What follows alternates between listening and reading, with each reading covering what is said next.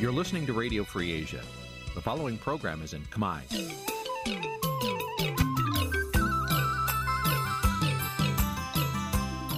Nǐ ជាកម្មវិធីផ្សាយ Vuthu Azizi Serai នេះជាកម្មវិធីផ្សាយរបស់ Vuthu Azizi Serai ជាភាសាខ្មែរ Vuthu Azizi Serai សូមស្វាគមន៍លោកអ្នកនាងទាំងអស់ពីរដ្ឋធានី Washington នៃសហរដ្ឋអាមេរិក។ បាទពីរដ្ឋធានីវ៉ាស៊ីនតោនខ្ញុំបាទសេកបណ្ឌិតសូមជម្រាបសួរអស់លោកអ្នកនាងកញ្ញាទាំងអស់ជាទីមេត្រីយើខ្ញុំសូមជូនកម្មវិធីផ្សាយសម្រាប់ព្រឹកថ្ងៃពុទ្ធ13កើតខែបោះឆ្នាំខាលចត្វាស័កពុទ្ធសករាជ2566ត្រូវនៅថ្ងៃទី4ខែមករាគ្រិស្តសករាជ2023បាទជាដំបូងនេះសូមអញ្ជើញអស់លោកអ្នកនាងស្ដាប់ព័ត៌មានប្រចាំថ្ងៃដែលមានមេត្តាដូចតទៅ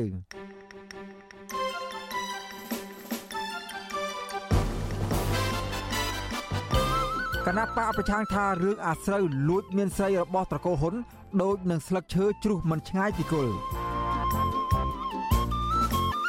សង្គមស៊ីវិលប្រារព្ធខួប9ឆ្នាំនៃការបកក្រាបកម្មករដែលតវ៉ាសុំដំឡើងប្រាក់ឈ្នួលនៅផ្លូវវែងស្រេងជនរងគ្រោះមួយចំនួនបានបន្តបាត់ខ្លួនក្នុងគ្រោះអគ្គិភ័យនៅក្រុងប៉ោយប៉ែត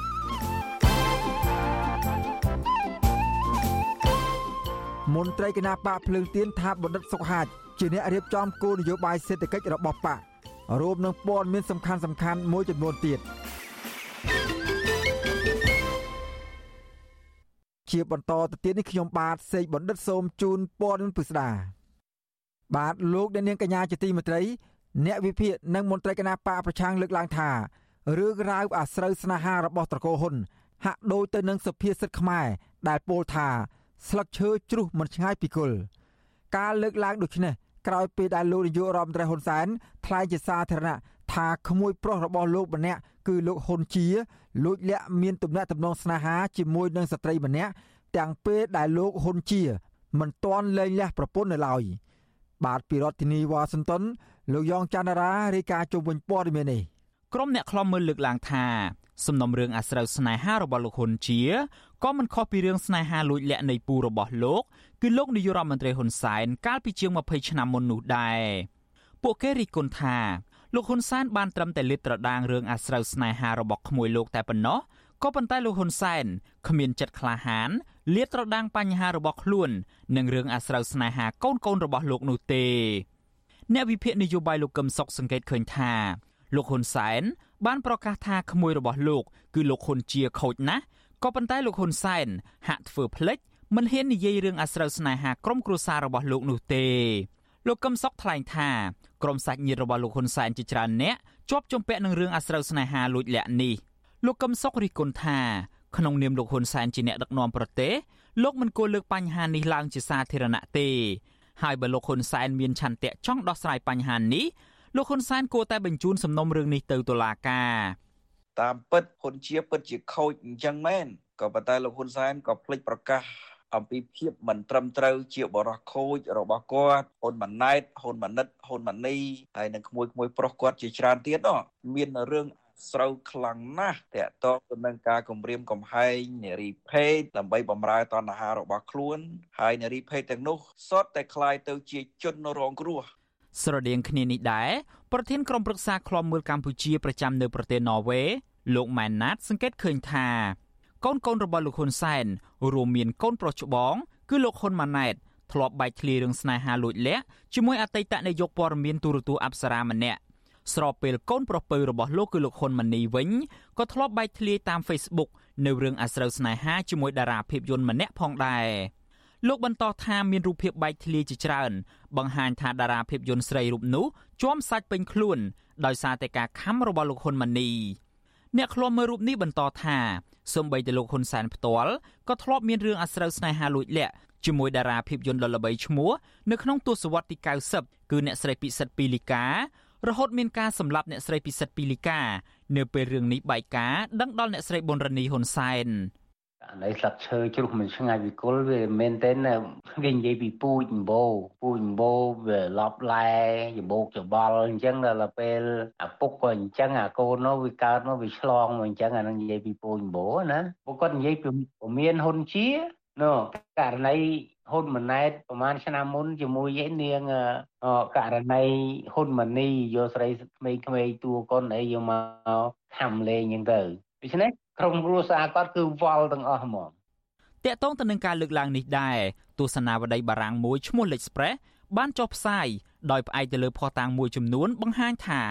ភរិយារបស់លោកហ៊ុនសែនគឺលោកស្រីប៊ុនរនីហ៊ុនសែនគឺជាអ្នកនៅពីក្រោយខ្នងនៃការបញ្ជាឲ្យសម្លាប់អ្នកស្រីពិសិដ្ឋពីលីកា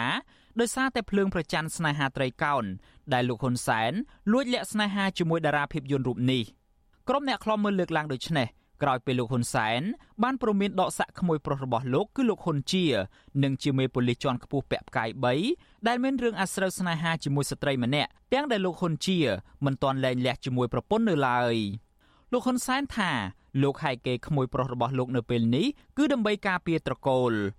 ស្រីដែលកំពុងតែបង្ហោះជាមួយ Facebook ជាមួយអាជាមិនមែនជាប្រពន្ធអាជាទេគឺជាស្រីរបស់អាជា ត្រង់ដែលឯងមានកូនមានចៅអីខ្ញុំមិនដឹងទេក៏ប៉ុន្តែខ្ញុំសួរបញ្ជាក់ស្រាវជ្រាវយុបបាញ់នេះគឺអាចជាអត់តន់លេងលះគ្នាជាមួយនឹងប្រពន្ធនោះឯណាហើយចង់ពាក់ផ្កាយនឹងតទៅទៀតឬអាចចង់អស់ផ្កាយលោកហ៊ុនសែនលើកឡើងដូចនេះនៅក្នុងពិធីបាការដ្ឋានសាងសង់ស្ពានឆ្លងកាត់ទន្លេមេគង្គខេត្តក្រចេះកាលពីថ្ងៃទី2ខែមករាទោះជាយ៉ាងណាលោកហ៊ុនសែនក៏មិនបានព្រមានប្រើច្បាប់ឯកពន្ធភាពស្ដីពីប្តីមួយប្រពន្ធមួយទៅលើក្មួយប្រុសរបស់លោកដែរ លោកហ៊ុនសែនរំលឹកថាកាលពីឆ្នាំ1995លោកហ៊ុនជា បានពង្រត់ប្រពន្ធរបស់ខ្លួនសពថ្ងៃហើយបញ្ហានេះទាល់តែលោកចេញមុខសម្របសម្រួលទើបអាចបញ្ចប់រឿងនេះបានលោកហ៊ុនជាគឺជាកូនប្រុសរបស់លោកហ៊ុនសាន ដែលលោកហ៊ុនសាន គឺជាបងប្រុសទី1របស់លោកហ៊ុនសែនលោកហ៊ុនជាមានស្រុកកំណើតនៅខេត្តកំពង់ចាមកើតនៅឆ្នាំ1976មានតួនាទីជាឧត្តមសេនីយ៍ពាក់ផ្កាយ3នៅក្រសួងមហាផ្ទៃទោះជាយ៉ាងណា លោកហ៊ុនជាមិនសូវបង្ហាញពីការបំពេញការងារនៅក្នុងនាមជាមន្ត្រីរាជការនោះទេក៏ប៉ុន្តែលោកចូលចិត្តបង្ហាញពីជីវិតផឹកស៊ីច្រៀងរាំដើរព្រៃហើយលោកក៏មានជំនឿទៅលើខ្សែកបន្តោងខ្នាយតាន់ផងដែរលោកហ៊ុនជាធ្លាប់ជាប់ពន្ធនាគាររយៈពេល18ខែករណីបាញ់បោះបង្កឲ្យមានមនុស្សរងរបួសកាលពីឆ្នាំ2018ក៏ប៉ុន្តែលោកជាប់ឃុំមិនបានប្រមាណខែផងលោកហ៊ុនជាក៏បានចេញពីពន្ធនាគារមកវិញ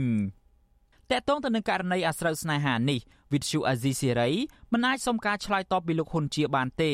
ដោយទូរស័ព្ទចូលតែពុំមានអ្នកទទួលក៏ប៉ុន្តែពូរបស់លោក គឺលោកហ៊ុនសែនបានបង្ហោះសារលើទំព័រ Facebook នៅល្ងាចថ្ងៃទី3មករាថាលោកហ៊ុនជាបានត្រឡប់ទៅជួបជុំប្រពន្ធកូនវិញហើយក្រោយពីមានការសម្របសម្រួលពីអគ្គស្នងការនគរបាលជាតិគឺលោកណេតសាវឿនដែលជាក្មួយប្រសាររបស់លោកហ៊ុនសែនដែរនោះទោះជាយ៉ាងណា អនុប្រធានគណៈបកសង្គ្រោះជាតិលោកអេងឆៃអៀងយល់ឃើញថាលោកហ៊ុនសែនមិនគួរផ្ដោតលើរឿងនេះពេកទេអនុប្រធានគណៈបកប្រឆាំងរូបនេះស្នើទៅលោកហ៊ុនសែនគួរយកពេលដោះស្រាយបញ្ហាជាតិនិងបញ្ហារបស់ប្រជាពលរដ្ឋវិញ យើងមិនចាំបាច់ទៅយករឿងនឹងមកធ្វើជាអ្នកដើរតួទេព្រោះយើងមានច្បាប់ប្រទេសមានច្បាប់ដោយយើងឯកពន្ធភាពអនុវត្តទៅអនុវត្តច្បាប់ឯកពន្ធភាពទៅចុះក្មួយក្តីមិនមែនក្មួយក្តីស្អីក្តីតែប៉ុន្តែអ្នកដឹកនាំនឹងត្រូវគិតរឿងធំធំអារឿងប្រជុំធំធំដែលកសិករអត់ទីផ្សារត្រូវគិតគូរទៅមិនឲ្យកសិករមានទីផ្សាររឿងប្រព័ន្ធយុទ្ធធរដែលតឡាការមិនឯករាជ្យតឡាការពុករលួយត្រូវដោះស្រាយរឿងអានឹងអ្នកវិភាគនឹងមន្ត្រីគណៈបកប្រឆាំងរីគុណថា លោកនាយករដ្ឋមន្ត្រីហ៊ុនសែនទំនងមិនហ៊ាននិយាយរឿងភ្លើងឆេះអាគារកាស៊ីណូនៅក្រុងប៉ោយប៉ែតនិងការកាត់ដីឧទ្យានជាតិជាង200ហិកតាទៅឲ្យឈ្មួញដែលស្និទ្ធនឹងគ្រួសាររបស់លោកទើបលោកហ៊ុនសែនលើកយកបញ្ហារបស់លោកហ៊ុនជានេះមកនិយាយដើម្បីបង្វែរស្ថានភាពខ្ញុំយ៉ងច័ន្ទដារាវិទ្យុអាស៊ីសេរីរាយការណ៍ពីរដ្ឋធានី Washington បាទលោកអ្នកនាងកញ្ញាជាទីមេត្រីអង្គការសង្គមស៊ីវិល ប្រារព្ធខួប9ឆ្នាំនៃព្រឹត្តិការណ៍តវ៉ាទាមទារដំណើរប្រាក់ឈ្នួលកម្មករកាលពីឆ្នាំ2014ដែលអាជ្ញាធរបង្ក្រាបដោយហិង្សានៅផ្លូវវែងស្រេងជនរងគ្រោះនៅមិនទាន់ទទួលបានយុត្តិធម៌នៅឡើយក្រោយពីពួកគេរងការបង្ក្រាបដោយហិង្សាធ្ងន់ធ្ងរពីសំណាក់កងទាហានឆ័ត្រយោង911នៅម្ដុំផ្លូវវែងស្រេងក្នុងទីក្រុងភ្នំពេញអ្នកការពារសិទ្ធិមនុស្សថា ការមិនអើពើស្វែងរកមុខជនដៃដល់មកផ្ដន់ទាទោសតាមច្បាប់របស់អាជ្ញាធរធ្វើឲ្យវប្បធម៌នៃទណ្ឌភាពកាន់តែរីកដុះដាលបាទពីរដ្ឋធានីវ៉ាស៊ីនតោនលោកមេរិតរាយការណ៍ជុំវិញព័ត៌មាននេះថ្ងៃទី3ខែមករានេះគឺជាខួប9ឆ្នាំ ដែលកងកម្លាំងរដ្ឋាភិបាល បានបង្ក្រាបដោយហិង្សាទៅលើហ្វូងបាតកោនៅផ្លូវជាតិលេខ4និងនៅផ្លូវវែងស្រេង ព្រឹត្តិការណ៍បង្ក្រាបនេះបានបណ្ដាលឲ្យមនុស្សចំនួន5នាក់ស្លាប់និងរងរបួសជាច្រើននាក់ដោយសារតែការបាញ់រះមកលើក្រុមកម្មករដែលតវ៉ាជនរងគ្រោះនៅក្នុងព្រឹត្តិការណ៍ហឹង្សានោះអះអាងថាពួកគាត់នៅតែចងចាំនិងឈឺចាប់ចំពោះអំពើខុសខើដែលទាហានឆាត់យោង911បានវាយដំនិងបាញ់បង្ក្រាបលើពួកគាត់ទាំងកំរោលប្រធានសមាគមសម្ព័ន្ធសហគមន៍កសិករកម្ពុជា លោកថេងសវឿន ដែលជាជនរងគ្រោះម្នាក់នៅក្នុងអំពើហិង្សានោះលើកឡើងនៅក្នុងកម្មវិធីរំលឹកខួប9ឆ្នាំនៅថ្ងៃទី3ខែមករាថាវាគឺជាព្រឹត្តិការណ៍មួយដែលមិនអាចបំភ្លេចបាននិងដកជាប់នៅក្នុងខួរក្បាលរបស់លោកគ្រប់ពេលដោយសារតែការប្រើប្រាស់អំពើហិង្សារបស់ក្រុមទាហានរដ្ឋាភិបាលលោកថាលោកត្រូវបានចាប់ខ្លួនយកទៅឃុំនៅក្នុងពន្ធនាគារអស់រយៈពេល4ខែ28ថ្ងៃទាំងអយុត្តិធម៌ ការប្រក្រាបព្រៃផ្សៃនេះវាគឺជារឿងមួយដែល សាហាវបំផុតនៅពេលដែល9ឆ្នាំមុនបើយើងគិតទៅលើរឿងនេះហើយទីសោតការកាត់សេចក្តីមកលើពួកខ្ញុំនោះយើងមើលឃើញច្បាស់កឡែតអ្នកដែលធ្វើជាសាក្សីនៅពេលដែលកាត់សេចក្តីនៅក្នុងអង្គសាវនាការសាលាដំបងជំនុំជម្រះនោះគឺអ្នកនោះសិតសឹងជាអ្នកប្រព្រឹត្តនៅអំពើហិង្សាហើយគាត់បានមកធ្វើជាសាក្សីសំណួរដែលយើងសួរថាតើអ្នកដែលរងគ្រោះដោយសារតែគេប្រើប្រាស់អំពើហិង្សាវាយដំច្រំធាក់ខ្លាចជនរងគ្រោះបែរជាខ្លាចជាអ្នកទោសចុះអ្នកដែលប្រព្រឹត្តហេតុអីបានជារួចខ្លួនហើយត្រឹមក្រៅសំណាញ់ច្បាប់ លោកថេងសវឿនបន្តថាយុត្តិធម៌ត្រូវតែមានសម្រាប់អ្នកការពារសិទ្ធិមនុស្សនិងកម្មករទាំងអស់ដែលរងគ្រោះនៅក្នុងព្រឹត្តិការណ៍នេះលោកបដញ្ញាចិត្តយកការឈឺចាប់តស៊ូជំរុញឲ្យមានការគោរពសិទ្ធិមនុស្សនិងការគោរពស្រឡាញ់នៅយុត្តិធម៌ប្រកបដោយតម្លាភាពនិងភាពត្រឹមត្រូវ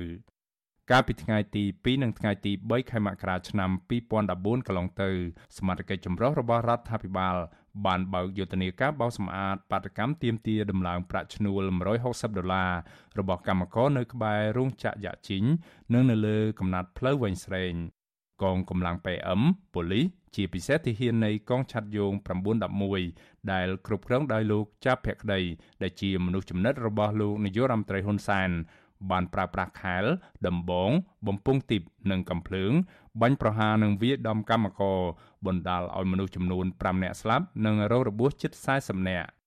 ក្នុងឱកាសខួប9ឆ្នាំនេះសមាជិកនៃក្រុមអង្គការសមាគមសហជីពចំនួន120នាក់បាននាំគ្នារំលឹកខួបនៅផ្ទះសាមគ្គីនៅក្នុងក្រុងភ្នំពេញ នៅថ្ងៃទី3ខែមករាដើម្បីបង្ហាញពីការឈឺចាប់ និងសកម្មភាពអំពីការចូលរួមសាមគ្គីគ្នានិងចងចាំជាមួយគ្រួសារជនរងគ្រោះដែលត្រូវបានសមត្ថកិច្ចបាញ់សម្លាប់រងរបួសនិងបាត់ខ្លួនក្នុងពេលធ្វើកោតកម្មនៅលើផ្លូវវែងស្រេងក៏ប៉ុន្តែអស់រយៈពេល9ឆ្នាំបែរជាមានស្ថានភាពស្ងប់ស្ងាត់និងគ្មានយុត្តិធម៌សម្រាប់ជនរងគ្រោះ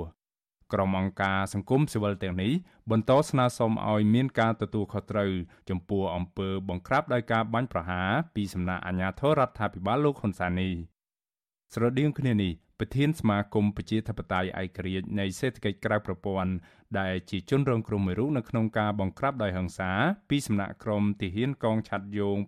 911លោកវុនពៅបានលើកឡើងថាការរំលឹកខួប9ឆ្នាំនេះគឺជាសោកនាដកម្មមួយដែលមិនអាចបំភ្លេចបានដូច្នេះលោកស្នើសុំឲ្យតុលាការគួរតែគិតគូរឡើងវិញនៅក្នុងការស្វែងរកយុត្តិធម៌ជូនដល់កម្មករឲ្យបានត្រឹមត្រូវ លោកបញ្ជាក់ថាអ្វីដែលក្រុមកម្មករទៀមទាកានោះគឺគ្រាន់តែចង់បានប្រាក់ឈ្នួលសមរម្យតែប៉ុណ្ណោះមិនមែនជាការចង់ផ្ដួលរំលំរដ្ឋាភិបាលដោយតាមការចាត់បង្កាន់របស់អាជ្ញាធរនោះឡើយ ខ្ញុំក៏ជាអ្នករងគ្រោះមួយនៅផ្លូវជាលេខ4គឺនៅមុខរោងចក្រយ៉ាជីនដែលទាហានឆាត់យង911បានវាយធ្វើបាបខ្ញុំស្ទើរតែស្លាប់បាត់បង់ជីវិតបន្ទាប់មកតឡាការបានបញ្ជូនយើងដាក់ពន្ធនាគារទៅពាំង plong អញ្ចឹងហើយដែលយើងរំលឹកថ្ងៃនេះជាការដាស់តឿនការរំលឹកទៅឲ្យប្រជាពលរដ្ឋខ្មែរទាំងក្នុងនិងក្រៅប្រទេសជាពិសេសបងប្អូនកម្មករឲ្យរំលឹកចងចាំនៅការទៀមទារបស់វិរៈបាតកោក្នុងការដណ្ដើមឬក៏ក្នុងការទៀមទាប្រាក់ឈ្នួលសមរម្យរបស់បងប្អូនក្នុងការទៀមទានៅលក្ខខណ្ឌការងារក៏ដូចជាជាថ្ងៃដែលយើងចងចាំមិនភ្លេចទេថ្ងៃ2ថ្ងៃ3មករាជុំវិញរឿងនេះ Visual C ស្រីមិនអាចតាក់ទងแนะនាំពាក្យក្រសួងយុតិធធលោកចិនម៉ាលីនបាននៅឡើយទេ នៅថ្ងៃទី3ខែមករា ចំណែកឯអ្នកនាំពាក្យសមាគមការពារសិទ្ធិមនុស្សអាត6លោកសឹងសានករណាប្រាវិសុយស៊ីស្រីថាការប្រើប្រាស់កងកម្លាំងទាហានរបស់អាជ្ញាធររដ្ឋាភិបាល នៅក្នុងព្រឹត្តិការណ៍ទាមទារការដំឡើងប្រាក់ឈ្នួលរបស់កម្មករកានោះបង្កឲ្យមានការរិះគន់ខ្លាំងទៅលើប្រព័ន្ធយុតិធធននៅកម្ពុជា បើសិនជារ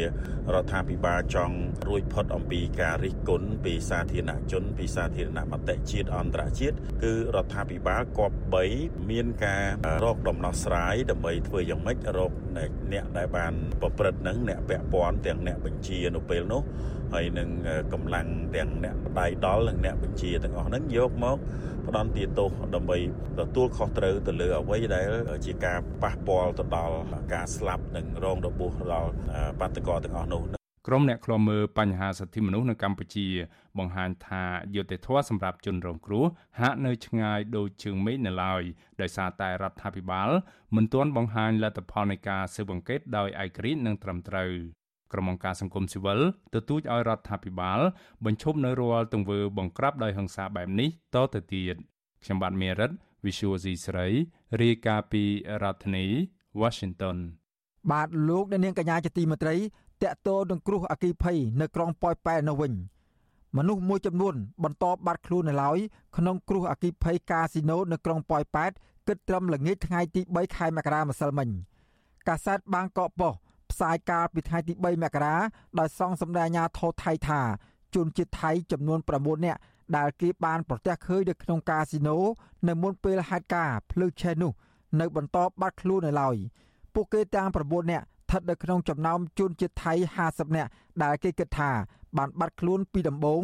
ប៉ុន្តែក្រោយមកមនុស្ស41នាក់ត្រូវបានគេរកឃើញនិងបញ្ជូនត្រឡប់ទៅប្រទេសថៃវិញ ពទ្យុអាស៊ីសេរីនៅពុំទាន់អាចតាក់ទងអ្នកនាំពាក្យសាលាខេត្តបន្ទាយមានជ័យលោកសេកសុខុមដើម្បីសាកសួរអំពីរឿងនេះបានទេកាលពីយប់ថ្ងៃទី3ខែមករាហេតុការណ៍ភ្លើងឆេះកាស៊ីណូ Grand Diamond City នៅក្រុងប៉ោយប៉ែតបានកើតឡើងកាលពីពាក់កណ្ដាលអាទិត្យថ្ងៃទី28ឈានចូលថ្ងៃទី29ខែធ្នូឆ្នាំ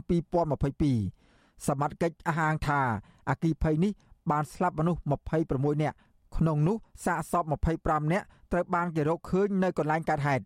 និងម្នាក់ទៀតបានស្លាប់ក្រោយពេលបញ្ជូនទៅព្យាបាលនៅប្រទេសថៃជនរងគ្រោះទាំងនោះរួមមានជនជាតិថៃម៉ាឡេស៊ីនេប៉ាល់ចិន និង6នាក់ទៀតមិនទាន់ដឹងអត្តសញ្ញាណនៅឡើយ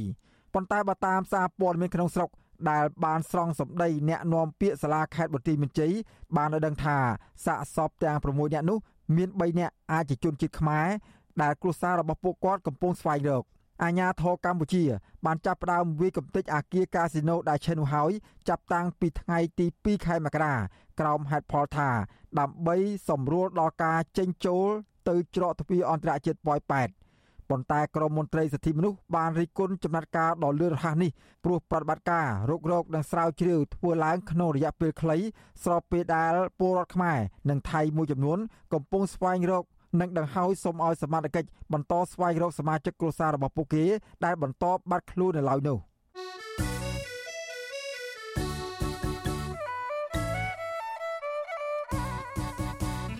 បាទលោកដានៀងកំពុងតាមដានស្ដាប់ការផ្សាយរបស់វិទ្យុអសីសេរីពីរដ្ឋធានីវ៉ាស៊ីនតោនសហរដ្ឋអាមេរិកកម្មវិធីផ្សាយរបស់វិទ្យុអសីសេរីផ្សាយដំណើរគ្នាតាមរយៈរលកធារកាសខ្លីឬ Shortwave តាមកម្រិតនិងកម្ពស់ឬតទៅនេះ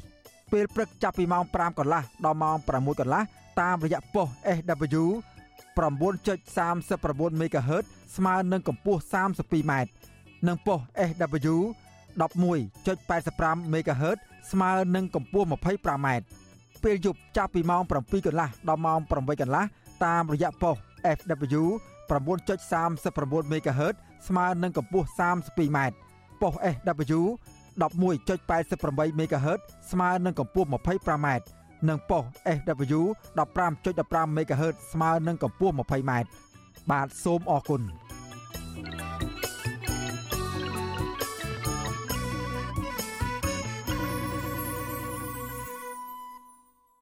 បាទលោកអ្នកនាងកញ្ញាជាទីមេត្រីសេចក្តីរាយការណ៍តាក់ទងនឹងគណៈបកភ្លើងទៀនឯនោះវិញ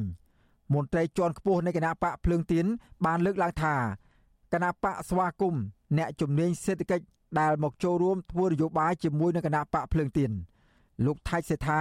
អនុប្រធានគណៈបកភ្លើងទៀនបានស្វាគមន៍បញ្ញវន្តគ្រប់រូបដែលចង់មកចូលរួមជាមួយនឹងគណៈបកភ្លើងទៀនដើម្បីរួមគ្នាស្ដារប្រទេសជាតិ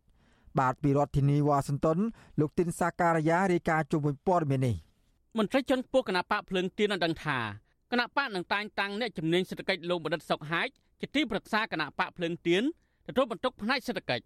លោកថៃសិដ្ឋាអនុប្រធាននឹងជាអ្នកនាំពាក្យគណៈបកភ្លើងទៀនឲ្យដឹងកាលពីថ្ងៃទី3មករាថាបណ្ឌិតសុកហាជបានមកចូលរួមធ្វើនយោបាយជាមួយគណៈបកភ្លើងទៀនចាប់ពីពេលនេះតទៅលោកបញ្ជាក់ថាមូលហេតុចម្បងដែលអ្នកជំនាញសេដ្ឋកិច្ចរូបនេះមកធ្វើនយោបាយជាមួយគណៈបកភ្លើងទៀនដែលលោកមើលឃើញថា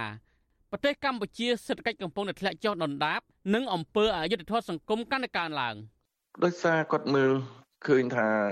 យើងកំពុងតែដើរលើផ្លូវត្រូវមួយដោយមិនមានការផ្លាស់ប្ដូរជំហរយើងនៅតែរក្សាជំហរដើមដដែលហើយក្នុងគោលដៅប្រកបក៏ចង់ចូលរួមធ្វើម៉េចឲ្យនៅកម្ពុជាយើងមានការគោរពសិទ្ធិមនុស្សមានលទ្ធិប្រជាធិបតេយ្យហើយឃើញថាសេដ្ឋកិច្ចនៅកម្ពុជានឹងកំពុងតែដុនដាបយើងនឹងចូលរួមនៅតាមរយៈភ្លឹងទៀនទៅមានឱកាសជួយដល់សេដ្ឋកិច្ចនៅកម្ពុជាយ៉ាងនេះ លោកបណ្ឌិតសុកហែកជាបញ្ញវន្តផ្នែកសេដ្ឋកិច្ចមួយរូបដែលលោកធ្លាប់ធ្វើការនៅស្ថាប័នមួយចំនួនរួមមានជាទីប្រឹក្សាក្រសួងសេដ្ឋកិច្ចនិងហិរញ្ញវត្ថុនិងជាស្ថាបនិកវិទ្យាស្ថានសេដ្ឋកិច្ចកម្ពុជា បច្ចុប្បន្នលោកជាប្រធានក្រុមហ៊ុននាំអង្គចេញ Golden Rai ការប្រកាសចូលរួមធ្វើនយោបាយរបស់លោកបណ្ឌិតសុកហាយជាមួយគណៈបកប្រឆាំងនេះនៅក្រៅពេលអ្នកជំនាញកសិកម្មលោកបណ្ឌិតយ៉ងសង្គមានិងជាស្ថាបនិកគណៈបកប្រជាធិបតេយ្យមូលដ្ឋាន បានទៅចោះចូលជាមួយគណៈបកប្រជាជនកម្ពុជាលោកថៃសិដ្ឋាបញ្ជាក់ថាលោកសុកហាជនឹងរៀបចំគោលនយោបាយសេដ្ឋកិច្ចរបស់គណៈបកភ្លើងទៀនសម្រាប់ត្រៀមប្រកបប្រជែងការបោះឆ្នោតសកលឆ្នាំ2023ខាងមុខកម្ពុជាក្រោមការដឹកនាំរបស់លោកនាយរដ្ឋមន្ត្រីហ៊ុនសែនជិត40ឆ្នាំមកនេះពឹងលើការខ្ចីបំណុលបរទេសជាសំខាន់សម្រាប់ទ្រទ្រង់ឆ្អឹងខ្នងសេដ្ឋកិច្ចជាតិហើយប្រជាពលរដ្ឋមួយចំនួនធ្លាក់ខ្លួនក្រ និងជំពាក់បំណុលគ្រឹះស្ថានមីក្រូហិរញ្ញវត្ថុ ធនាគារពិភពលោកបានចេញផ្សាយរបាយការណ៍ថ្មីមួយ កាលពីចុងឆ្នាំ2022ថាប្រជាពលរដ្ឋកម្ពុជាជិតកន្លះលាននាក់បន្ថែមទៀតបានធ្លាក់ខ្លួនក្រក្នុងរយៈពេល2ឆ្នាំចុងក្រោយនេះក្រោយពីការផ្ទុះរាតត្បាតជំងឺ Covid-19 រីឯអង្គការ Liga do និងអង្គការសមាធរកម្ពុជា សហការជាមួយនឹងអង្គការ FIAN របស់ប្រទេសអាល្លឺម៉ង់បានចេញផ្សាយរបាយការណ៍រកឃើញដែរថាប្រជាពលរដ្ឋខ្មែរជាង160,000នាក់កំពុងលក់ដី ដើម្បីសងបំណុលទៅធនាគារក្នុងរយៈពេល5ឆ្នាំចុងក្រោយនេះរបាយការណ៍នេះក៏បានបង្ហាញដែរថាអ្នកខ្ចីប្រាក់ជាច្រើន បានរងគ្រោះពីការរំលោភសិទ្ធិមនុស្សហើយពួកគេទាំងនោះជាញឹកញាប់ត្រូវកាត់បន្ថយបរិភោគអាហារនិងកូនកូនរបស់ពួកគេបញ្ឈប់ការសិក្សាហើយបង្ខំឲ្យទៅធ្វើការដើម្បីរកចំណូលមកសងបំណុលធនាគារតែទៅនឹងបញ្ហានេះលោកនាយរដ្ឋមន្ត្រីហ៊ុនសែនកាលពីថ្ងៃទី22ធ្នូប្រតិកម្មទៅនឹងការរិះគន់ទៅលើការដឹកនាំរបស់លោក ថាមិនបានធ្វើឲ្យកម្ពុជារីកចម្រើន ហើយបរដ្ឋចេះតែក្រទៅក្រទៅនោះថាជារឿងប្រមាថជាតិសាសន៍ខ្លួនឯងទៅវិញខ្ញុំមិនយល់ហើយក៏សូមថាអ្នកដែលនិយាយបែបនេះតើហ៊ានស្បត់ទេថាស្បត់ឲ្យផ្ទះបាញ់ឬស្បត់ឲ្យឲ្យតែស្បត់ស្បត់ឲ្យងាប់តៃហោងងាប់របៀបម៉េចស្បត់ទេថាអ្នកឯងពួកក្រុមអ្នកឯងនេះកាលពីឆ្នាំ79រហូតដល់ស្បែកជើងពាក់ក៏មិនបានដែរ ឥឡូវអ្នកឯងមានឡានជិះលើផ្លូវដល់ល្អហើយអ្នកឯងថាកាន់តក្រទៅក្រទៅតើអ្នកឯងស្បត់ទេទោះបីជាយ៉ាងនេះក្តីប្រតិបត្តិស្ថិតិបំណុលសាធារណៈកម្ពុជាចេញផ្សាយលើកទី16កាលពីថ្ងៃទី9ខែធ្នូបង្ហាញថារដ្ឋាភិបាលរបស់លោកហ៊ុនសែនចំពាក់បំណុលបរទេសចំនួនជាង9000លានដុល្លារអាមេរិកក្នុងនោះចិត្តពាក់កណ្ដាលនៃបំណុលទាំងនេះគឺចំពាក់ប្រទេសចិនមន្ត្រីជាន់ខ្ពស់គណៈបកភ្លើងទៀនអះអាងថា ប្រសិនបើគណៈបកភ្លើងទៀនឈ្នះការបោះឆ្នោតអាណត្តិទី7ឆ្នាំ2023នេះគណៈបកនេះនឹងធ្វើកំណែតម្រង់និងស្ដារសេដ្ឋកិច្ចជាតិជារឿងអតិភិបខ្ញុំទីនសាការីយ៉ាអស៊ីសេរីប្រធានីវ៉ាស៊ីនតោនបាទលោកអ្នកនាងកញ្ញាជាទីមេត្រីចំណែកឯសេចក្តីរាយការណ៍ពាក់ព័ន្ធនឹងមន្ត្រីអង្គការសង្គមស៊ីវិលដែលកំពុងបំពេញការងារនៅក្នុងប្រទេសថៃឯនោះវិញមន្ត្រីអង្គការក្រៅរដ្ឋាភិបាលម្នាក់ តែងតែជួយដល់ពលករខ្មែរនៅពេលដែលថៅកែថៃកេងប្រវ័ញ្ចកម្លាំងពលកម្មនៅក្នុងប្រទេសថៃពលករដែលធ្វើការនិងរស់នៅប្រទេសថៃ បានស្រឡាញ់រាប់អានលោកព្រោះលោកជាជនសាមញ្ញនិងជួយដល់ពួកគេ នៅពេលដែលពួកគេមានការចាំបាច់តើលោកធ្វើការងារអ្វីខ្លះក្នុងការជួយដល់ពលករខ្មែរចំណាក់ស្រុកនោះបាទលោកនាងនឹងបានស្ដាប់សេចក្តីរាយការណ៍ពឹស្ដារអំពីរឿងនេះនាពេលបន្តិចទៀត។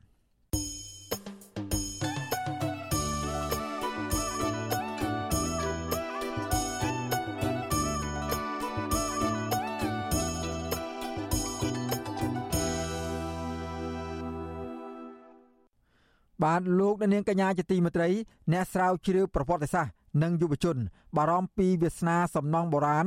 ដែលប្រឈមនឹងការវិកំតិចបន្ទាប់ពីករណីបំផ្លាញសំណង់ទាំងនោះនៅតែបន្តកើតមានពួកគេលើកឡើងថាក្រសួងពាក់ព័ន្ធគួរតែចុះបញ្ជីសំណង់ស្ថាបត្យកម្មបុរាណទាំងនោះឲ្យបានត្រឹមត្រូវជៀសវាងការវាយកំទេចចោលហើយគ្មានអ្នកទទួលខុសត្រូវ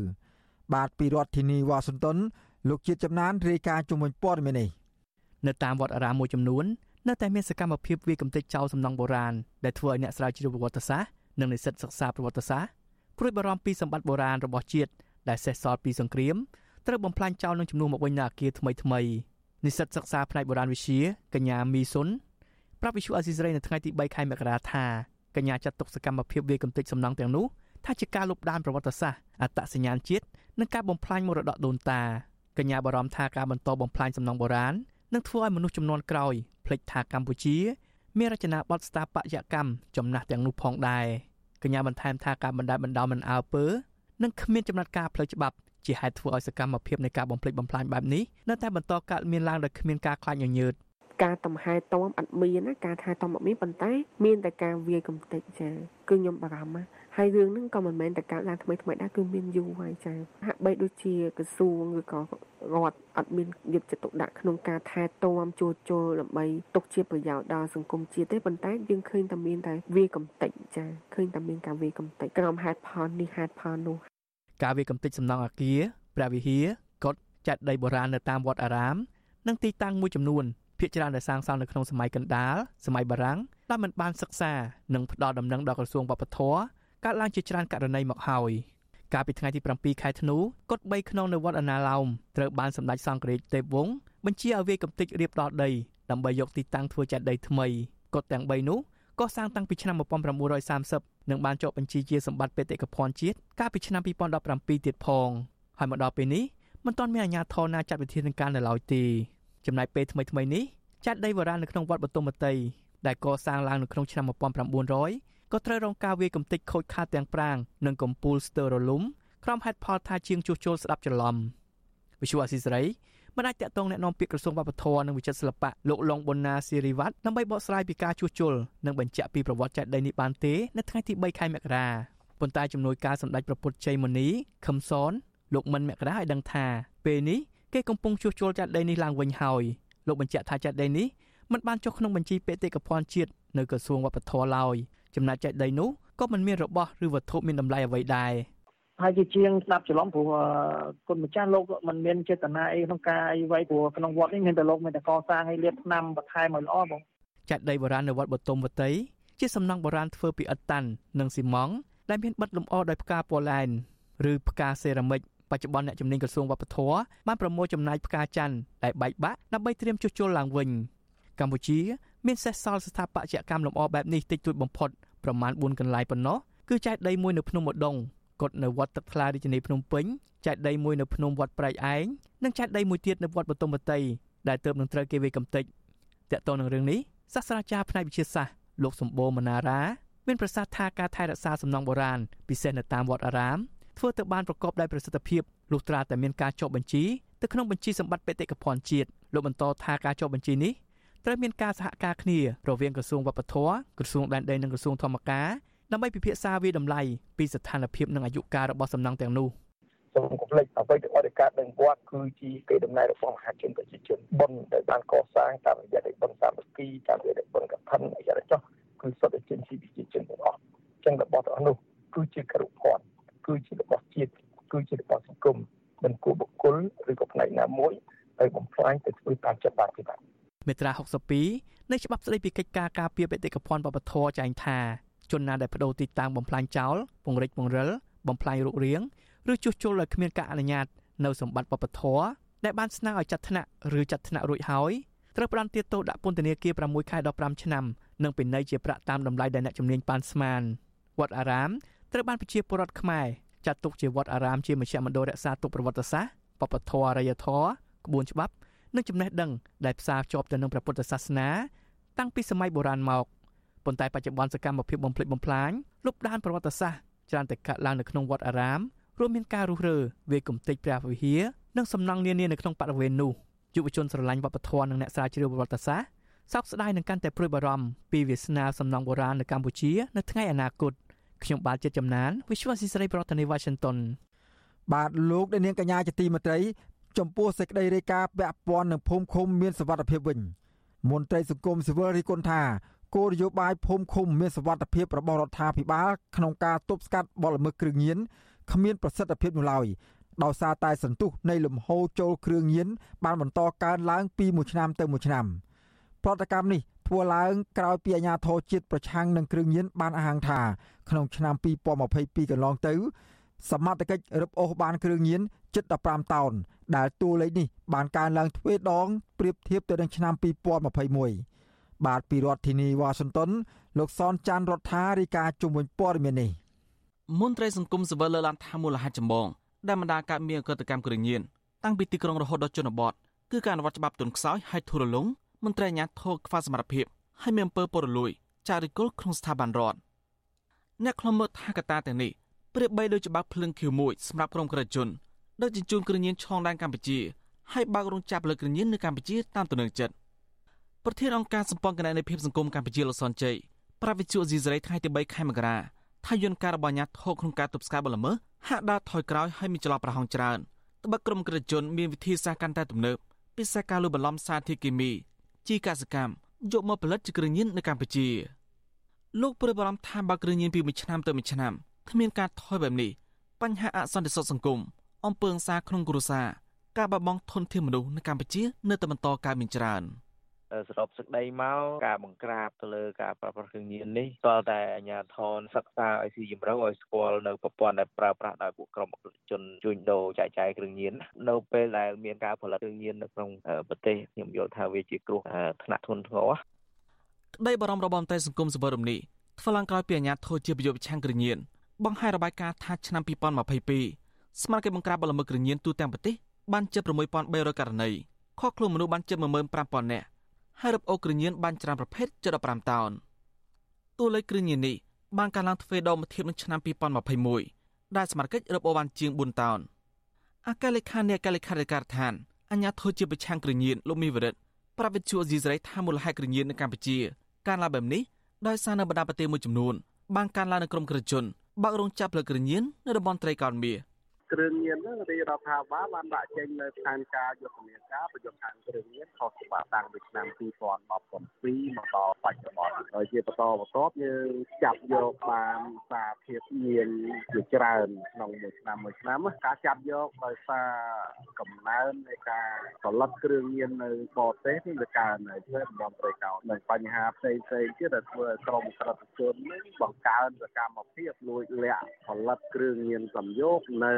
តំបន់ព្រៃកោណនេះហើយដឹកជញ្ជូនឆ្លងកាត់តាមប្រទេសជិតខាងកម្ពុជារយៈពេលចុងក្រោយនេះហាក់កំពុងរងការញោមញីយ៉ាងខ្លាំងដោយសារគ្រឿងញៀនម៉ូតូហូរចូលច្រើនសន្ធឹកពិសេសពួកគេមើលឃើញថាតាមរយៈក្រុមគ្រឿងជនចិនមួយចំនួនដែលល្មើសច្បាប់កម្ពុជាបើករោងចក្រផលិតគ្រឿងញៀនហើយដឹកគ្រឿងញៀនឆ្លងដែនចូលកម្ពុជាអញ្ញាធោបានមកក្រាបទ្រង់ទ្រីធំជាបន្តបន្ទាប់ដោយរឹបអូសបានគ្រឿងញៀនម្ដងម្ដងរាប់រយតោនហើយថែមទៅរកឃើញទីតាំងក្រុមគ្រឿងជនបើករោងចក្រផលិតគ្រឿងញៀនថែមទៀតផង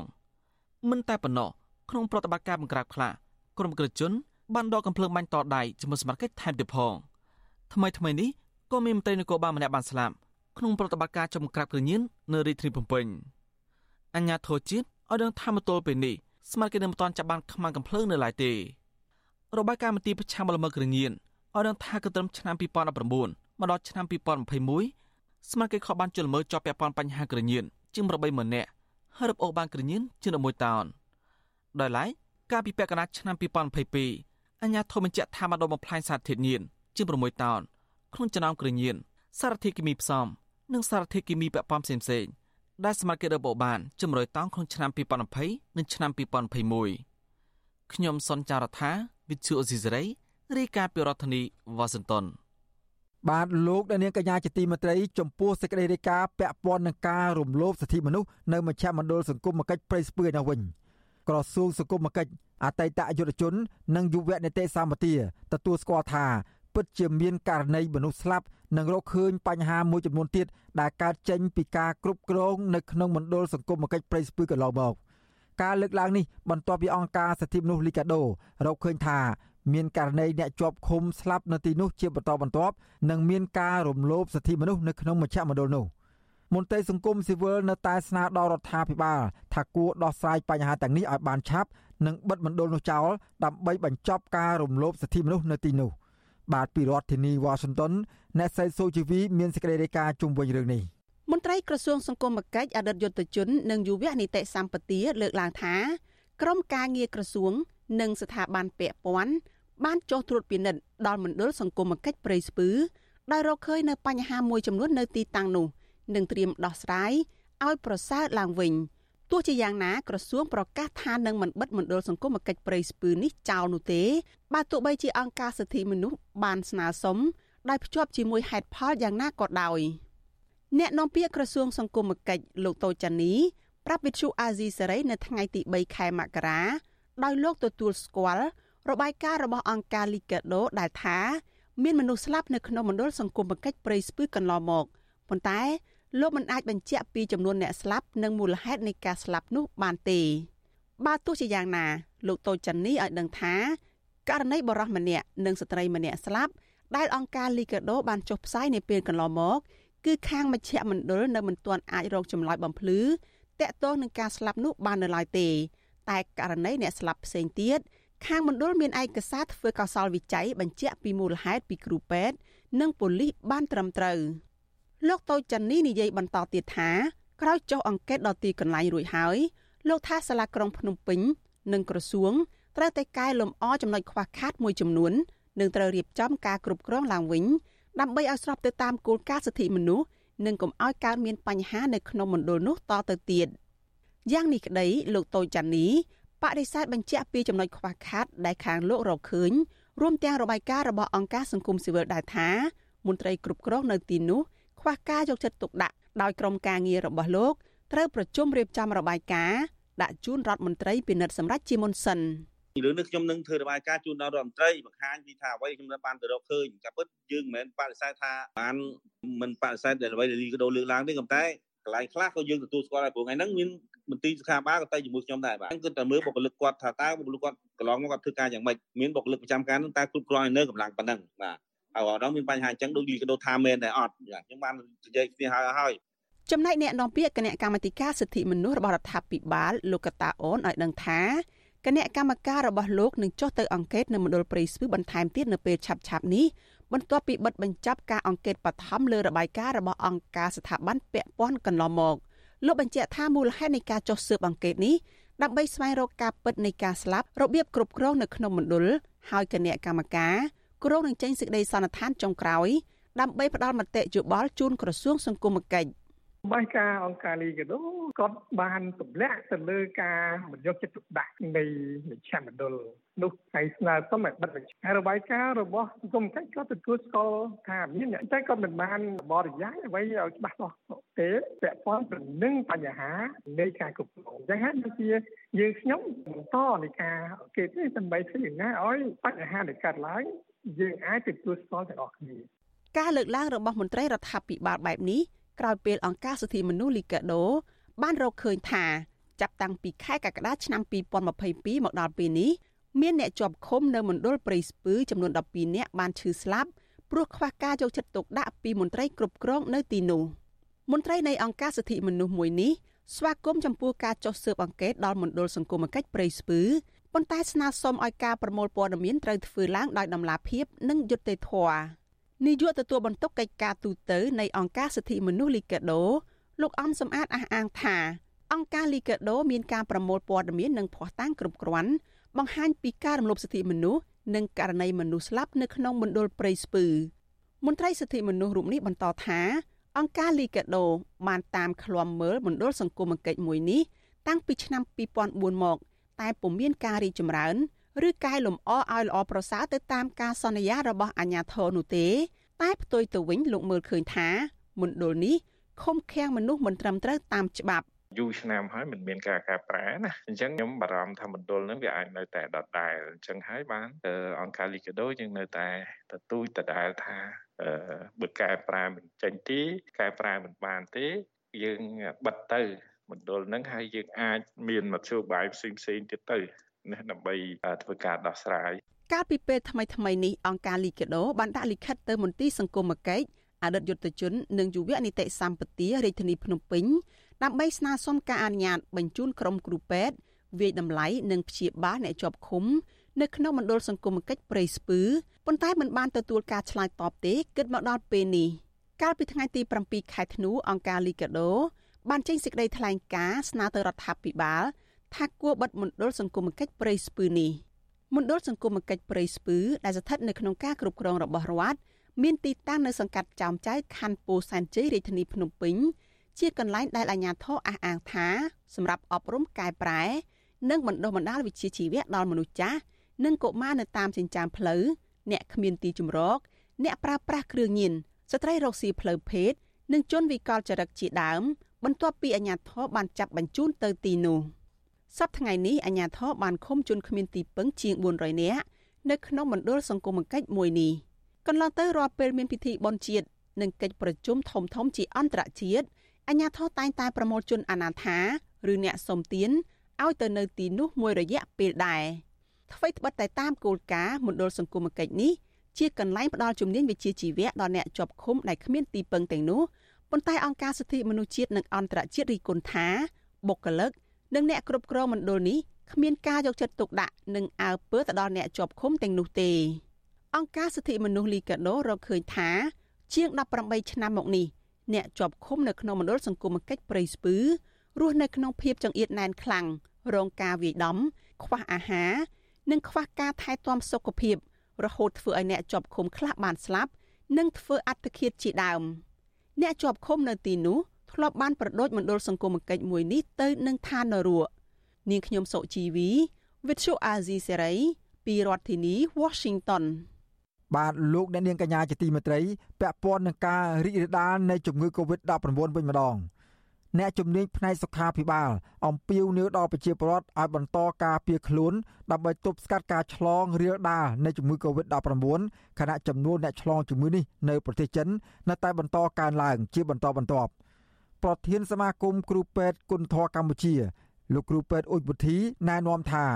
ក្នុងដំណាក់កាលនេះពលរដ្ឋគួរបង្កើនការប្រុងប្រយ័ត្នអនុវត្តវិធានការអនាម័យដើម្បីបង្ការការឆ្លងរីករាលដាលនៃជំងឺ Covid-19 លោកគ្រូពេទ្យរូបនេះបានជំរុញឲ្យអ្នកដែលមិនទាន់បានចាក់វ៉ាក់សាំងបង្ការឬវ៉ាក់សាំងការពារជំងឺ Covid-19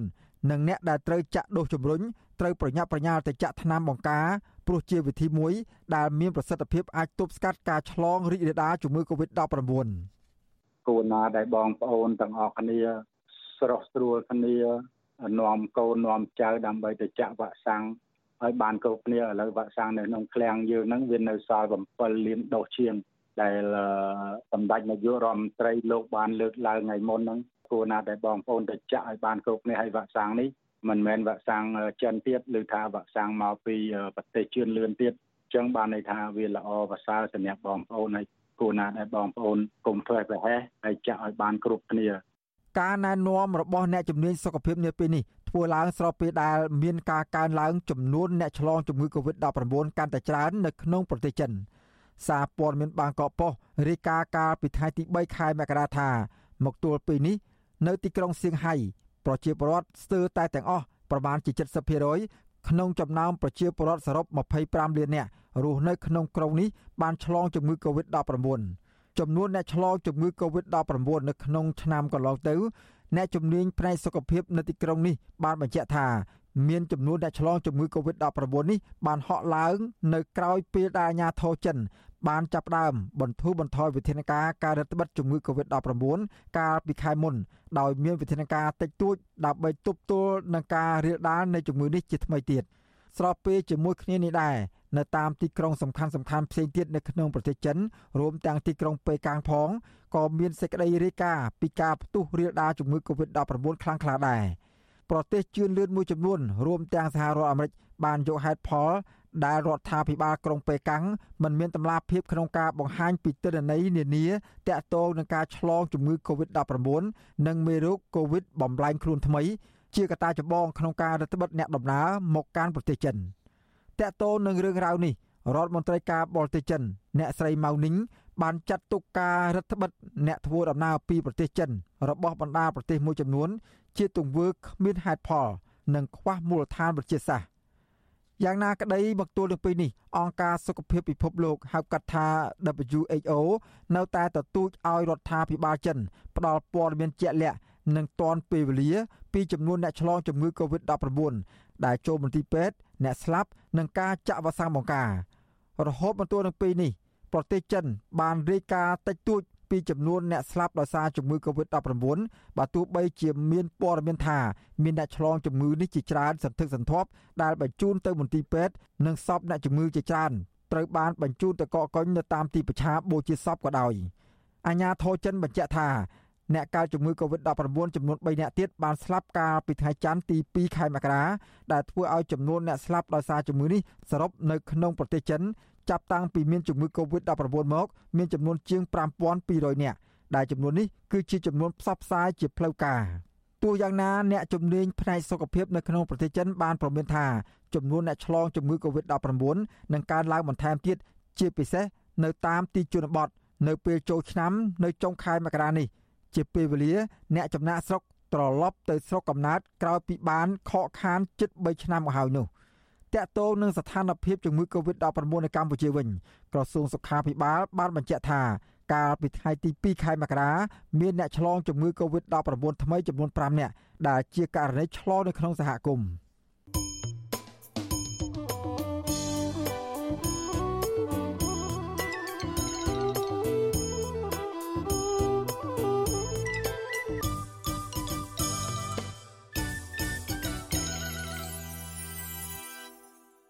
បាទលោកដានាងកញ្ញាជាទីមេត្រីពាក់ព័ន្ធនឹងការប្រមូលផលនេសាទនៅក្នុងឆ្នាំនេះវិញម្ដងប្រជាពលរដ្ឋរស់នៅរាជធានីភ្នំពេញនិងតាមបណ្ដាខេត្តនានាបានសម្រុកទិញត្រីពីប្រជានេសាទនៅតាមដងទន្លេមេគង្គក្រោមក្នុងខេត្តកណ្ដាលដើម្បីធ្វើប្រហុកផ្អកនៅរដូវប្រមូលផលនេសាទនៅក្នុងឆ្នាំ2022និងឆ្នាំ2023នេះប្រជានេសាទបង្ហាញអារម្មណ៍រីករាយដែលឆ្នាំនេះសម្បូរត្រីជាងឆ្នាំមុនបាទពីរដ្ឋធានីវ៉ាស៊ីនតោន លោកនៅវណ្ណរិនរាយការណ៍ជុំវិញព័ត៌មាននេះពលរដ្ឋខ្មែររស់នៅក្នុងរាជធានីភ្នំពេញនិងខេត្តមួយចំនួនដែលនិយមធ្វើប្រហុកផ្អកបានចាប់ផ្ដើមប្រមូលទិន្នផលត្រីតូចតូចដូចជាត្រីរៀលជាដើមពីផ្សារមួយកន្លែងជាប់មាត់ទន្លេសាបក្នុងស្រុកពញាលឺខេត្តកណ្ដាលប្រជានេសាទនិងអ្នកទិញត្រីបញ្ជាក់ប្រាប់អាស៊ីសេរីថាត្រីប្រហុកឆ្នាំនេះមានតម្លៃថោកជាងឆ្នាំមុនដោយសារតែទិន្នផលត្រីកើនឡើងទ្វេដង។ លោកខនធូអ្នកនេសាទរស់នៅក្នុងឃុំកំពង់លួងស្រុកពញាលឺខេត្តកណ្ដាលថ្លែងថាមូលហេតុដែលត្រីធូរថ្លៃជាងមុនដោយសារតែត្រីសម្បូរហើយអ្នកនេសាទចាប់បានត្រីជាច្រើនតោនក្នុងមួយថ្ងៃមួយថ្ងៃលោកបន្ថែមថាឈ្មួញកណ្ដាលតែងតែមកទិញត្រីដល់ទីតាំងផ្ទាល់នៅក្នុងស្រុកពញាលឺខេត្តកណ្ដាលដោយត្រីក្នុង1គីឡូក្រាមតម្លៃ2000រៀលធៀបទៅនឹងឆ្នាំមុនមានតម្លៃ3000រៀល និយាយចំ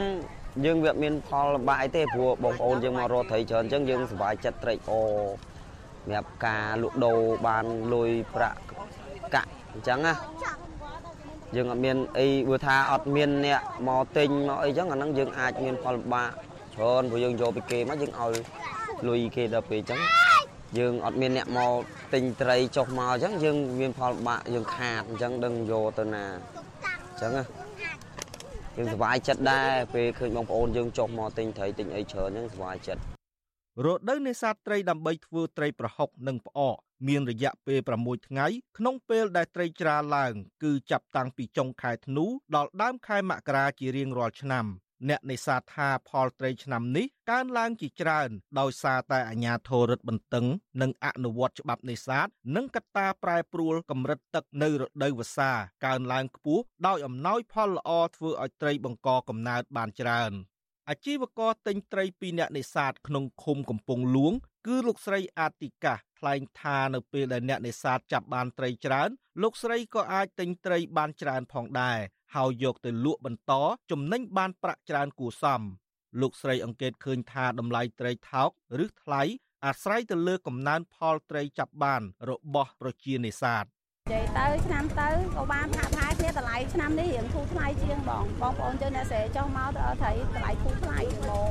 ចំណូលបានខ្លះខ្លះដែរបងឲ្យតែយើងវោត្រីទិញត្រីគេបានគេអ្នករោបានច្រើនយើងទិញបានច្រើនយើងលក់ក៏បានកម្រៃច្រើនដែរ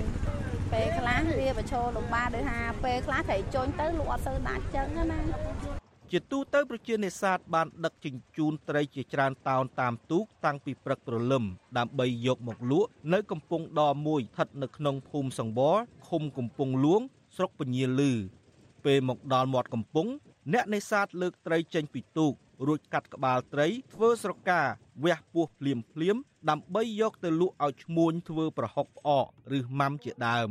ត្រីដែលអ្នកនេសាទចាប់បានភាគច្រើនជាត្រីតូចតូចចម្រុះរួមមានត្រីរៀលត្រីស្លឹកឫស្សីត្រីខ្នងវែងនិងត្រីក្បកជាដើម ជុំវិញរឿងនេះនាយកប្រតិបត្តិអង្គការបណ្ដាញការពារទន្លេ3លោកលៀងប៊ុនលៀបពន្យល់ប្រាប់ថាដើម្បីឲ្យកំណើនត្រីកើនអាជ្ញាធរត្រូវពិនិត្យឡើងវិញនៅទីតាំងសំខាន់សំខាន់ដែលជាជំរកត្រីរស់នៅ រួមមានតំបន់ព្រៃលិចទឹក និងអន្លង់អភិរក្សហើយអាជ្ញាធរគួរហាមឃាត់មិនឲ្យមានការបង្ហូរជាតិពុលគីមី និងឧបករណ៍នេសាទខុសច្បាប់ទៅក្នុងតំបន់នោះទេ តែកាលណាវាមានត្រីអញ្ចឹងវាបណ្ដាលឲ្យឆ្នាំក្រោយៗទៅទៀតវានឹងអស់ត្រីហ្នឹងបាទនេះគឺជាអ្វីមួយដែលយើងពិចារណាពិនិត្យមើលថាតើ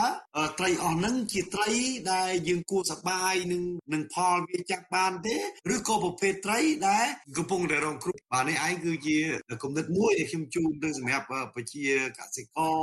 យកទៅពិចារណាថាមិនមែនឲ្យតែច្រើនឆ្នាំហ្នឹងចាំក្រោយច្រើនទៀតនោះទេបាទ ពេលរដូវរំហោចធ្លាក់ខ្យល់ត្រជាក់ត្រីប្រហុកផ្អកបានផ្លាស់ទីគ្រប់តំបន់រដ្ឋបាលជលផលនៃក្រសួងកសិកម្មបានជូនដំណឹងថាក្នុងរដូវនេសាទឆ្នាំ2022-23ត្រីចាប់ផ្ដើមបំលាស់ទីចេញពីបឹងអូស្ទឹង និងព្រែកនានាចូលបឹងទន្លេសាប ទន្លេមេគង្គនិងទន្លេបាសាក់អំណោយផលដល់ការធ្វើនេសាទត្រីបានច្រើន ជាពិសេសកន្លងត្រីតាមដងទន្លេសាបស្ថិតនៅក្នុងភូមិសាស្ត្រខេត្តកណ្ដាលនិងរាជធានីភ្នំពេញក្រសួងថារដូវត្រីច្រាលឆ្នាំនេះគឺចាប់ពីថ្ងៃទី29ខែធ្នូឆ្នាំ2022ដល់ថ្ងៃទី3ខែមករាឆ្នាំ2023ប្រសិនបើករណីមេឃស្រឡះល្អខ្ញុំបាទនៅវណ្ណរិន វិទ្យុអាស៊ីសេរីពីរដ្ឋធានី Washington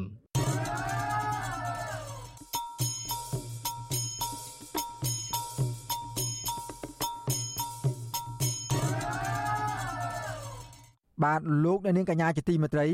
មន្ត្រីអង្គការក្រៅរដ្ឋាភិបាលម្នាក់តែងតែជួយពលករខ្មែរនៅពេលដែលត្រូវកែថៃកេងប្រវ័ញ្ចកម្លាំងពលកម្មនៅក្នុងប្រទេសថៃនោះពលករខ្មែរដែលធ្វើការនិងរស់នៅក្នុងប្រទេសថៃ បានគោរពស្រឡាញ់រាប់អានលោកព្រោះលោកជាជនសាមញ្ញម្នាក់ដែលជួយដល់ពលរដ្ឋខ្មែរចំណាក់ស្រុកនៅពេលដែលពួកគេត្រូវការជំនួយជាចាំបាច់តើលោកធ្វើការអ្វីខ្លះដែលជួយដល់ពលករខ្មែរទើបធ្វើឲ្យពួកគេស្រឡាញ់រាប់អានលោកនោះ បាទពីរដ្ឋធានីវ៉ាស៊ីនតោនលោកទីនសាការីយ៉ារាយការណ៍ពុស្ដាជំវិញព័ត៌មាននេះលោកលឹងសុផុនគឺជាបុគ្គលិករបស់អង្គការសង្ត្រលធ្វើការផ្នែកការពារសិទ្ធិជនពលករចំណាក់ស្រុកនៅប្រទេសថៃ នៅពេលពលករខ្មែរត្រូវថកែថៃរំលោភបំពានសិទ្ធិការងារ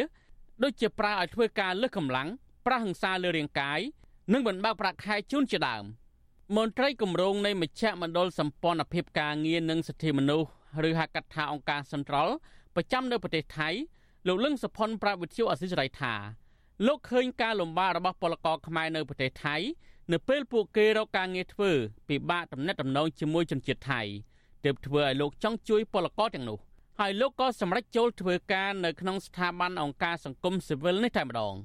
លោកបន្តថាលោកចង់ជួយពលករទាំងនេះពីព្រោះពលករខ្លះត្រូវមេខ្យល់បញ្ចុះបញ្ចូល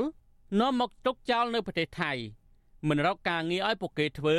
និងទាមទារសិទ្ធិសេរីភាពជូនពលករនៅកន្លែងការងារជាដើម។ យើងមកធ្វើការនៅស្រុកថៃយើងអត់ទាន់ដឹងទម្លាប់អត់ទាន់ដឹងច្បាប់អត់ទាន់ដឹងថាតើច្បាប់ការងារនៅថៃយ៉ាងម៉េចយ៉ាងម៉េចចឹងទៅហើយភាគច្រើនបងប្អូនពលករគាត់អត់យល់អំពីការដែលគាត់ទទួលបានពីអត្ថប្រយោជន៍ផ្សេងផ្សេងដូចជាដែលគាត់ធ្វើការទៅហើយគាត់មិនដឹងថាតើមានផលប្រយោជន៍អីខ្លះនៅពេលដែលពួកគាត់ធ្វើការនៅតាមរោងចក្រនីមួយៗអញ្ចឹងណាបាទហើយតាកតងនឹងសន្តិសុខសង្គមនៅផងដែរហើយតើតើធ្វើម៉េចដែលឲ្យពួកគាត់នឹងទទួលបានហើយសន្តិសុខសង្គមដើម្បីពួកគាត់ទៅពេទ្យទៅអីហ្នឹងមិនបាច់ចំណាយលុយអីចឹងណា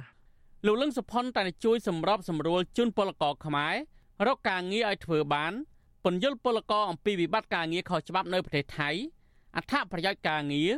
និងពន្យល់ពីរបៀបប្តឹងពេលធ្វើការរំលោភបំពានជាដើមលោកធ្វើការផ្នែកការពារសិទ្ធិពលករនេះជិត10ឆ្នាំមកហើយហើយពេលខ្លះលោកក៏ត្រូវប្រឈមជាមួយមន្ត្រីស្ថានទូតកម្ពុជាដែរដោយមន្ត្រីទាំងនោះមិនពេញចិត្ត និងរារាំងការងារលោកជាដើមពលករខ្មែរធ្វើការសំណងម្នាក់ដែលលោកលឹងសុផុនធ្លាប់បានជួយអន្តរាគមរឿងថកែមិនបាក់ប្រាក់ឈ្នួលជូននៅខេត្តឈុនបុរីលោកខាន់សារ៉ាឲ្យដឹងថាលោកលឹងសុផុនជាមនុស្សល្អព្រោះលោកតែងតែដឹកនាំក្រុមការងារចុះទៅដល់តំបន់ពលករដែលត្រូវថកែរំលោភបំពានការងារហើយរកដំណោះស្រាយឲ្យថកែបាក់ប្រាក់ឈ្នួលជូនកម្មករឲ្យបានត្រឹមត្រូវឡើងវិញ។ គាត់មិនអីគាត់ថាគាត់និយាយមកមិនអីគាត់គាត់ចុះជួយគាត់ចុះជួយតែតែបើយើងលទ្ធភាពយើងបានប៉ុណ្ណឹងជិលវិញឆ្ងាយបើថាមានទុតិយអីទេតែគាត់គាត់នេះគាត់ត្រូវការងារធ្វើបានដែរថាយើងតែបោកតែអីយើងមានការងារធ្វើអញ្ចឹងគាត់ឲ្យទៅមើលកន្លែងការងារកន្លែងនោះដែរតែខ្ញុំមិនបានទៅខ្ញុំឥឡូវជួបការងារមួយកន្លែងទៀតដូចគ្នាដែរពលករម្នាក់ទៀតដែលធ្វើការសំណងដែរនោះកំពុងធ្វើការនៅទីក្រុងបាងកកលោកប្រាក់នឿនថ្លែងដែរថាថកែថៃបានបោកប្រាស់ពលករខ្មែរជា10នាក់ ដោយប្រើឲ្យធ្វើការមិនបាក់ប្រាក់ខែជូនប្រមាណជា200,000បាតស្មើនឹងជិត5000ដុល្លារលោកបន្តថាលោកលឹងសុផុននិងក្រុមការងារបានទៅសម្របសម្រួលជាមួយថកែថៃនោះហើយថកែសន្យានឹងបើកប្រាក់ឲ្យកម្មករគ្រប់ចំនួន។ បើនិយាយចំទៅគឺមនុស្សវាប្រុងបោកយើងប្រហែលបងតាមមើលចរិតប៉ុន្តែជាតកែគេមិនមិនមិនបោកយើងគេមិនទោះយ៉ាងណាលុយគេម្នាក់ម្នាក់ច្រើនណាស់មិនមានវាមានការកំណត់របស់វាថ្ងៃទី10ថ្ងៃទី20ត្រូវចេញយ៉ាងខ្លាំងណាស់បើមិនវាមិនបានលុយនឹងយើងអត់ទាន់ទេយើងក៏វិលចាយគេខ្លះដែរមែនទេបងតែអានេះវាអត់មានការខុសត្រូវថាលុយនឹងចេញឬមិនចេញប្រាប់យើងថ្ងៃនេះអត់ប្រកាសអត់មានទេវាអត់មាននោះវាឆ្ងាត់ឈឹងបណ្ដោយបងលោកលឹងសុផុនរៀបរាប់ថាកាលពីនៅកុមារភាព លោកអង្គុយរៀននៅក្រោមដើមឈើជាមួយគ្រូវ័យចំណាស់ចំណាស់នៅក្នុងភូមិព្រោះតែគ្មានសាលារៀនលុះដល់អាយុ14ឆ្នាំ លោកក៏បានបួសជាសាមណេរក្រោមដើមពោធិ៍ដែលជាស្រុកកំណើតរបស់លោក ហើយលោកបួសបាន20វស្សាឪពុករបស់លោកស្លាប់ចោលតាំងពីលោកនៅតូចដោយជីវភាពក្រលំបាកម្ដាយក៏នាំមករស់នៅជាមួយជីដូនលោកកើតនៅក្នុងគ្រួសារកសិករមួយនៅភូមិទីពោឃុំទីពោស្រុកសន្ទុកខេត្តកំពង់ធំ មានបងប្អូន4នាក់ លោកជាកូនទី2លោកបានបញ្ចប់បរិញ្ញាបត្រផ្នែកទស្សនវិជ្ជាព្រះពុទ្ធសាសនា នៅមហាវិទ្យាល័យจุฬាលង្កនរាជវិទ្យាល័យនៅខេត្តឈៀងម៉ៃនិងថ្នាក់បរិញ្ញាបត្រជាន់ខ្ពស់ផ្នែកសេដ្ឋកិច្ចនៅមហាវិទ្យាល័យសៀមនៅទីក្រុងបាងកកលោកលឹមសុផុនបញ្ជាក់ទៀតថាលោកក៏ធ្លាប់រងការគំរាមកំហែងពីអ្នកមានអំណាចដែលលោកសឹមមិនបញ្ចេញឈ្មោះ បញ្ហាប្រឈមផ្សេងផ្សេងពីកន្លែងដតីផ្សេងទៀតក៏មានដែរតែខ្ញុំក៏មិនមិននិយាយថាអឺធ្វើការចេះស្រួលស្រួលទេបើនៅកន្លែងខ្លះនេះយើងធ្វើការទៅគេហាមប្រានគេហាមឃាត់ការនិយាយស្ដីអីចឹងទៅពេលកន្លែងខ្លះទៅគេមិនអោយទៅជួបអីចឹងណាបាទប៉ះពាល់ដល់ពលករផ្សេងទៀតឬក៏ប៉ះពាល់អ្នកដឹកនាំគេអីចឹងទៅកន្លែងអ្នកបកប្រែខ្លះបាទគេមិនអោយយើងទៅជួបបងប្អូនពលករខ្លះតែប៉ះពាល់ផលប្រយោជន៍គេអីចឹងណា វិទ្យុអសិរ័យមិនអាចតតងសំការអធិប្បាយជំវិញនឹងបញ្ហានេះពីស្ថានទូតកម្ពុជានៅប្រទេសថៃដើម្បីសំសួរអំពីរឿងនេះលំអិតបានទេកាលពីថ្ងៃទី3មករាជំវិញនឹងរឿងនេះដែរប្រធានកម្មវិធីផ្នែកស្រាវជ្រាវនិងតស៊ូមតិនៃសមាគមបណ្ដាញយុវជនកម្ពុជា CVN លោកហេងកំហុងលើកឡើងថាពលករខ្មែរនៅប្រទេសថៃជួបបញ្ហាដូចជាថកែថៃបំពេញសិទ្ធិឲ្យត្រូវការជំនួយពីស្ថានទូតខ្មែរនៅទីនោះតែកន្លងមក មន្ត្រីស្ថានទូតដោះស្រាយមិនទាន់ពេលធ្វើឲ្យបាត់ទំនុកចិត្តពីបរដ្ឋខ្មែរលោកបន្តថាពលករទៅរកអង្គការក្ររដ្ឋាភិបាលដូចជាអង្គការសង្ត្រលជាដើមដើម្បីដោះស្រាយទុកលំបាករបស់ពួកគេ។ តាមទូតខ្មែរនៅបរទេសនឹងគួរតែពង្រីកវិសាលភាពការងាររបស់ខ្លួនឲ្យដូចដូចគ្នាជាពិសេសបណ្ដាប្រទេសដែលមានប្រជាប្រដ្ឋខ្មែររស់នៅផងនិងជាពិសេសបណ្ដាប្រទេសដែលមានប្រជាប្រដ្ឋខ្មែរកំពុងតែធ្វើជាពលករផងបាទដើម្បីងាយស្រួលឲ្យពួកគេទទួលរកសេវា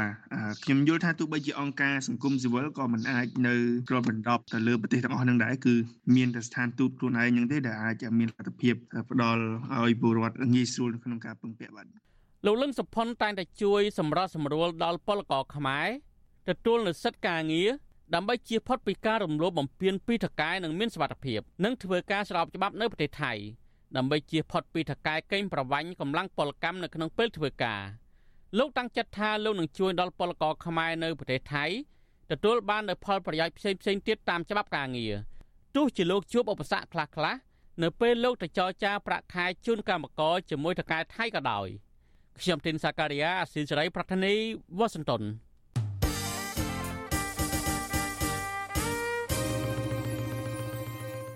បាទលោកអ្នកនាងកញ្ញាជាទីមេត្រី ការផ្សាយរបស់វិទ្យុអសីស្រីរយៈពេល1ម៉ោងសម្រាប់ព្រឹកនេះចប់តែប៉ុណ្ណេះយើខ្ញុំសូមជូនពរអស់លោកអ្នកនាងឲ្យជួបប្រកបតែនឹងសេចក្តីសុខចម្រើនរុងរឿងកំបីគ្លៀងគ្លេឡើយខ្ញុំបាទសេកបណ្ឌិតព្រមទាំងក្រុមការងាររបស់វិទ្យុអាស៊ីសេរីសូមអរគុណនិងសូមជម្រាបលា